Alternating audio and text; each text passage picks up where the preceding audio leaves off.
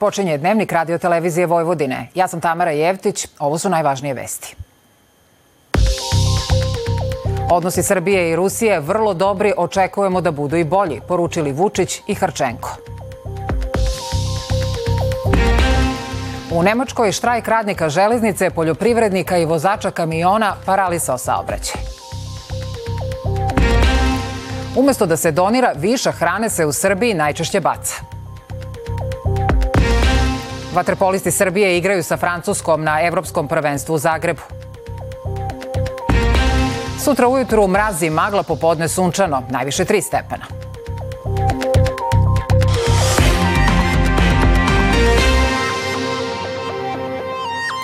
Predsednik Srbije Aleksandar Vučić posetio je Ruski dom u Beogradu, gde su ga dočekali direktor doma Jevgeni Baranov i ruski ambasador Aleksandar Bocan-Harčenko. Vučić je poručio da su odnosi Srbije i Rusije veoma dobri, ali da naša zemlja nije ničiji protektorat.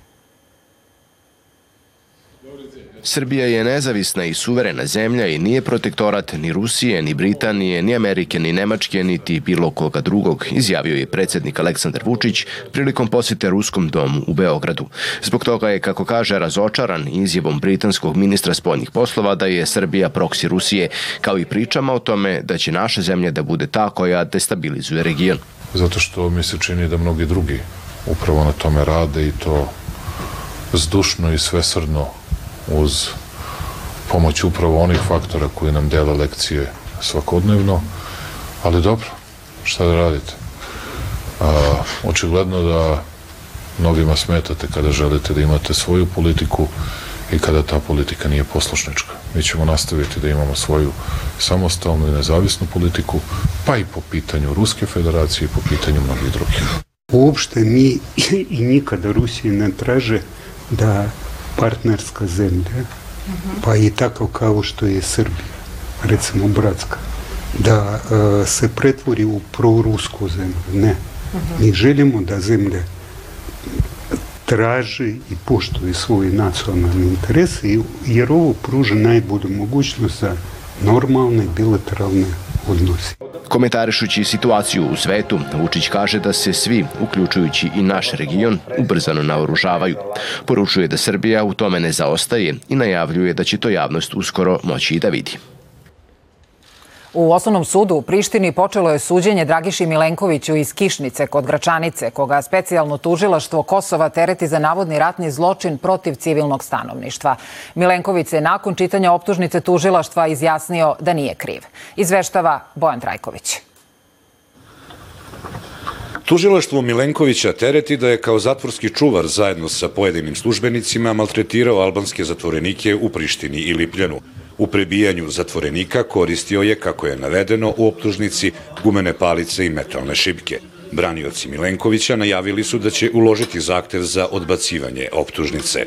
Mi smo do sada videli raznorazne optužnice koje su podnete od strane specijalnog tužilaštva Kosova, međutim ovakvo nešto nismo videli i to pre svega jer je optužnica zasnovana samo i isključivo na izjavama svedoka. Dakle, ne postoji ni jedan dokaz niti o povredama koje su oštećeni pretrpeli, niti bilo kakav drugi dokaz. Samo isključivo izjave svedoka. Tako da u tom pravcu e, prigovorit ćemo i obratit ćemo se sudu, tražit ćemo da se ovakva optužnica odbaci i naravno pre svega da se, da se Dragiša oslobodi. Advokati navode da se Dragiša Milenković nalazi u teškim uslovima u pritvoru u Podojevu i zatražili su u nastavku suđenja da se brani sa slobode. On je gotovo potpuno slep on je 22 sata zatvoren, a mislim da su se stvorili uslovi da se njemu koji živi 2 km odavde dozvoli da iz kućnog pritvora prati ovaj postupak, a ja sam sa svoje strane uz poštovanje prema oštećenima rekao da je on u svakom trenutku spreman da e, se sasvim suoči sa svima njima i da se to što se dogodilo te 98. i 9. godine e, jednom za svakda raspravi. Specijalno tužilaštvo Kosova podiglo je optužnicu protiv Milenkovića 26. decembra 2023. godine.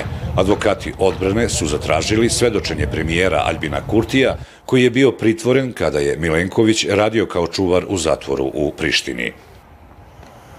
I sveta. Žestoke borbe nastavljaju se u palestinskom Kan. U poslednja 24 sata poginulo je gotovo 150 palestinaca, tvrdi tamošnje ministarstvo zdravlja, čime je broj stradalih premašio 23.000. Umeđu vremenu, izraelska delegacija je u Kairu na novoj rundi pregovora sa Egiptom o mogućoj razmeni talaca a Savet bezbednosti Ujedinjenih nacija danas glasa o rezoluciji kojom bi se osudili napadi Huta na trgovačke i komercijalne brodove u oblasti Crvenog mora. Nemačka je pred kolapsom. Trećeg dana najvećih štrajkova u istoriji te zemlje protestima su se pridružili i radnici železnice. Poljoprivrednici su u ponedeljak izašli na ulice traktorima, a pridružili su im se i vozači kamiona. Ove nedelje praktično nema dela Nemačke koji normalno funkcioniše. Smanjenje radnog vremena sa 38 na 35 sati nedeljno za smenske radnike, povećanje plata za 555 evra mesečno i jednokratni inflacijski kompenzacijoni bonus od 3000 eura su među zahtevima mašinovađa u Nemačkoj. Oni kažu da možemo da radimo 35-časovnu nedelju, ali ako se istovremeno konačna naknada smanjuje, onda je to suprotno od onoga što tražimo. Zahtevamo postepeno smanjenje nedeljnog radnog vremena uz izjednačavanje naknade. Štrajkovi će se nastaviti do petka uveče, primoravajući nacionalnog železničkog operatera Deutsche Bahn da koristi samo skraćene redove vožnje za vanredne situacije. Saobraćamo sa oko 20% naših putničkih usluga. Mislim da je ovaj štrajk nepotreban. To je namet za naše putnike. Obustava rada utiče na putovanja miliona ljudi. Tekući protesti poljoprivrednika izazvani najavljenim smanjenjem subvencija takođe prave problem u saobraćaju. Žalosno je ako radite u zdravstvu. Radimo u domu za starije osobe i moramo da stignemo na posao, a ako piše da dolazi voz, a onda ne dolazi, prilično je neprijatno. Moj voz ne saobraća, čekao sam 15 minuta na minus 7, a ništa nije bilo najavljeno. Sindikati smatraju da su za recesiju krive decenije nedovoljnog ulaganja. Vlada je već istakla da ustupaka neće biti, ali teško da će tu biti kraj. Na udaru mera štednje nemačke vlade mogli bi da se nađu i zaposleni u zdravstvu.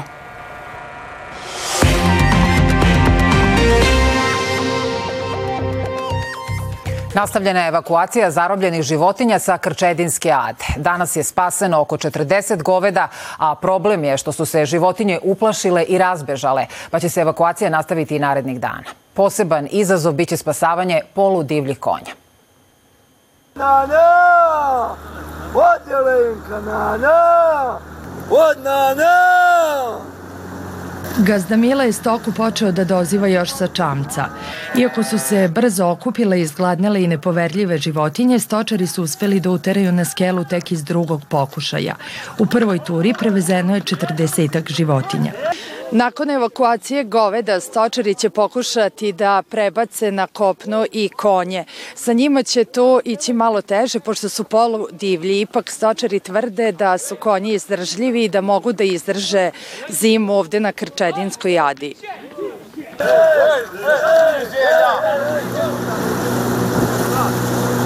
Nije bilo lako, ali nekako smo uz pomoć prijatelja i drugara uterali, evo, treća tura – stvari, juče smo dve i danas jednu turu da iznesemo svu stoku ovaj, napolje i onda nam ostanu konji. A kako će to ići s konjima? U, sa konjima će ići mnogo teže nego s kravama. Ovaj, ipak je konj prefrigana životinja, nju nećemo baš lako uhvatiti. Moramo ih u obor, korlat, kako hoćete, zatvoriti pa onda iz obora jedno po jedno vući u skelu. Vlasnik stoke Mile Plavčić kaže da još ne zna tačan broj uginulih životinja, te da su mnoge u veoma lošem stanju. Moje krave su, uh, imaću dosta uginuća zbog njih, jer krave su mi oslabile svaka po 50 kila, izgubile se, evo vidite i ova što leži ovde, da li će preživiti ili neće, ne verujem. Ja sam u situaciji jako lošoj i šta će mi... Ja sam spremio hrane. Njemu je tvrdi bilo onemogućeno da stoku pred zimu bezbedno skloni sa Krčedinske ade. Potrebnu logistiku obezbedile su Vojvodina šume u kojima kažu da su zahtev za pomoć od vlasnika dobili u ponedeljak. Pa smo tako juče sa 55 km eh, dovukli, odnosno Procenjuje se da svaki građanin Srbije u toku godinu dana baci 108 kg hrane. Finansijskim rečnikom godišnje svako od nas baci oko 40.000 dinara. Iako su i ti brojevi zabrinjavajući, količina upotrebljivih namirnica koju privredni subjekti bace na deponiju stostruko je veća i to najviše zbog činjenice da im je jeftinije da hranu bace nego da je doniraju. Namirnice u kesama okačene o kontejnere čest su prizor u našoj zemlji. Statistika kaže najviše hrane baci se upravo u vreme praznika. Koliko hrane ste bacili? Pa dosta. Zaista dosta smo bacili. I vam se dešava da imate viškove hrane?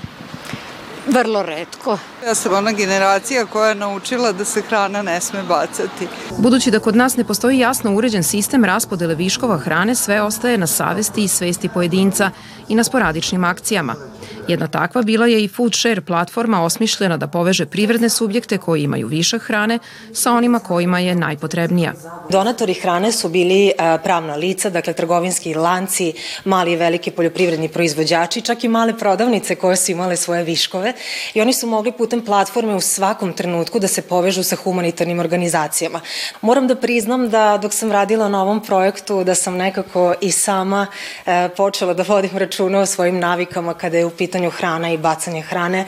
E, malo sam pažljivije planirala obroke, e, koliki će to obroci biti, odnosno koliko hrane ću da skuvam taj dan, e, šta ću da radim sa ostacima hrane. Promena svesti svakog od nas jeste značajna. Ipak najvažniji potez, smatraju stručnjaci, treba da povuče država. Pre svega da država usvoji zakon o otpisu PDV-a gde bi motivisali kompanije, a i same građane da te viškove koje postoje mogu da se doniraju svrsi shodno, to je bankama hrane kao što je Banka hrane Beograd, Vojvodina mm ili Niš, da mi dobijemo te viškove hrane koje ćemo zajedno sa našim partnerskim udruženjima da distribuiramo socijalnom ureženom stanovništvu. Jer se procenjuje da između 450 do 500 hiljada građana Republike Srbije nemaju svakodnevno dovoljno hrane na stolu. Ukidanje PDV od 20% za kompanije koje žele da doniraju hranu bio bi značajan korak u napred. Time bi se prema procenama donacije povećale za 160 miliona dinara, a na deponijama ne bi svake godine završavalo od blizu 250.000 tona jestive hrane. Za radio televiziju Vojvodine, Ivana Kamenarac. A modern način života podrazumeva sate i sate sedenja u kancelariji, što za posledicu ima brojne zdravstvene probleme. Višak kilograma, bolovi u leđima, diabetes i kardiovaskularne bolesti samo su neki, a svi onu se mogu prevenirati jednostavnom promenom loših navika.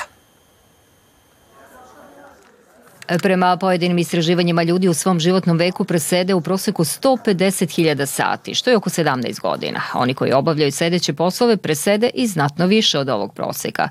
To su pokazali i rezultati istraživanja koje je rađeno u nekoliko novosadskih IT i drugih kompanija. Fizička aktivnost kod većeg broja naših građana je na jako niskom nivou, ovaj, na onom elementarnom što bi rekli. E, slobodno vreme se uglavnom provodi pored mobilnih telefona, tableta, računara, e, šetnje u prirodi su potpuno eliminisane.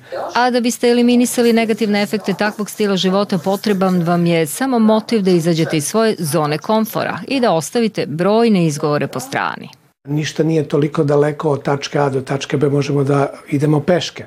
Kada idemo autobusom, izađemo jednu stanicu ranije. Kada parkiramo auto na parkingu, parkirajmo u krajnjem delu parkinga da imamo malo više vremena ovaj, do, do našeg radnog mesta. Osim polučasovnih vežbi i stezanja, jedan od načina da steknete naviku kretanja na poslu je da štampač postavite mnogo dalje od svog kancelarijskog stola. Promenite svoj rad tako da se vaše držanje koriguje i da koristite različite mišiće. Uvedite stolove sa podecivim visinama, sedeći i stojeći. Pomerite kante za otpad što dalje od stolova. Koristite stepenice umesto lifta. I vaša aktivnost tu ne sme da stane. Mi mislimo, uh, ako sedimo 8 sati dnevno, E, i kada saberemo to sa brojem radnih dana u nedelji, da to možemo da anuliramo e, naknadnim vežbama. Ne, posledice sedenja ne mogu da se anuliraju. Mogu da se ublaže, ali da se potpuno anuliraju ne. Zato moramo da obratimo pažnju da svaki dan budemo aktivni.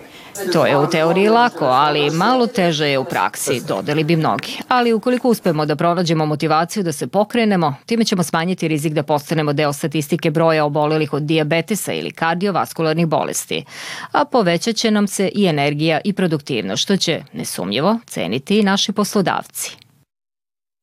Odbor za obnovu Sremskih Karlovaca održao je sednicu koju je predsedavala ministarka kulture Maja Gojković. Konstatovano je da je do sada uloženo milijardu 300 miliona dinara, a najznačajniji završeni projekti su restauracija Patrijašijskog dvora, Saborne crkve i Bogoslovije Svetog Arsenija, sanacija kuće na centralnom trgu Branka Radičevića i obnova ulice Braće Anđelić i državnog puta kroz Karlovce. Predsednik pokrajinske vlade i zamenik predsednika odbora Igor Mirović istakao je da će do kraja godine biti završena projektna dokumentacija za uređenje zaštićene prostorne celine starog jezgra Sremskih Karlovaca. Pokrajinska vlada podržala je i obeležavanje 200 godina od rođenja Branka Radičevića.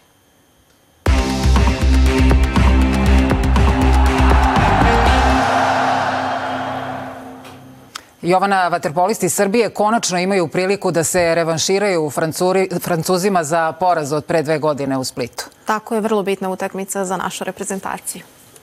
Vaterpolisti Srbije od 18 sati i 30 minuta igraju sa francuskom utakmicu za plasman u četvrtfinale Evropskog prvenstva u Zagrebu. Srbija je u grupnoj fazi takmičenja zabeležila tri pobede nad Izraelom, Nemačkom i Maltom, a da bi obezbedila mesto među osam najboljih ekipa starog kontinenta moraće da savlada Francusku, koja je u svojoj grupi pretrpela čak tri poraza. Pobednik današnjeg duela sastaće se 12. januara sa selekcijom Mađarske. Najbolji teniser sveta Novak Đoković i prvoplasirana na VTA listi Iga Švjontek iz Poljske biće prvi nosioci na Australian Openu koji se igra od 14. do 28. januara u Melbourneu. Žeb za prvi Grand Slam u 2024. godini biće održan sutra.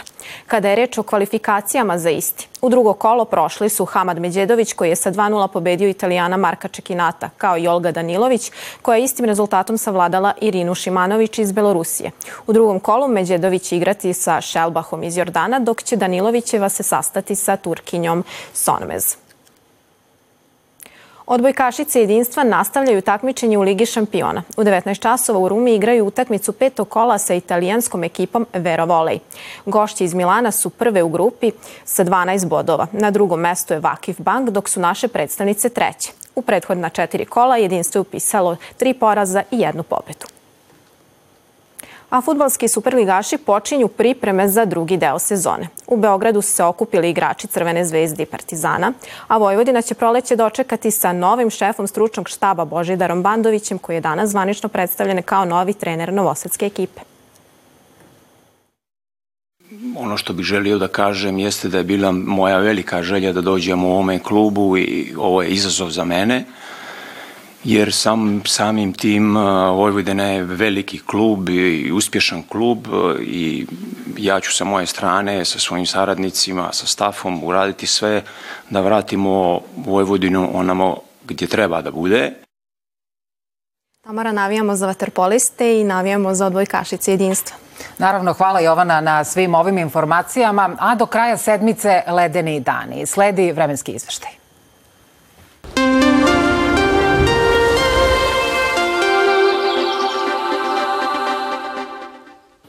Do vikenda ledeni dani u Srbiji. Sutra ujutru umeren do jak mraz i magla ponegde. 11. januara sunčani periodi, ali bit će oblasti gde bi se magla mogla zadržati ceo dan ili niska oblačnost. Duvaće slab vetar promenjivog pravca. Jutena temperatura od minus 12 do minus 6 stepeni, a dnevna do trećeg podeka u Negotinu uveče suvo i hladno. U petak ujutru slab mraz. Tokom dana promenjivo oblačno uz mogut sneg.